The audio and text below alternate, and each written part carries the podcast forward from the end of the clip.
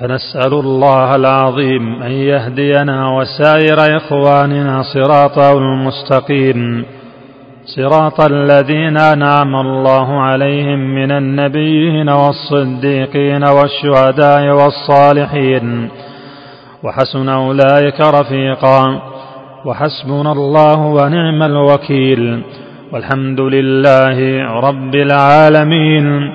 وصلى الله على سيدنا محمد وعلى آله وصحبه وعلى آله وصحبه وسلم تسليما كثيرا.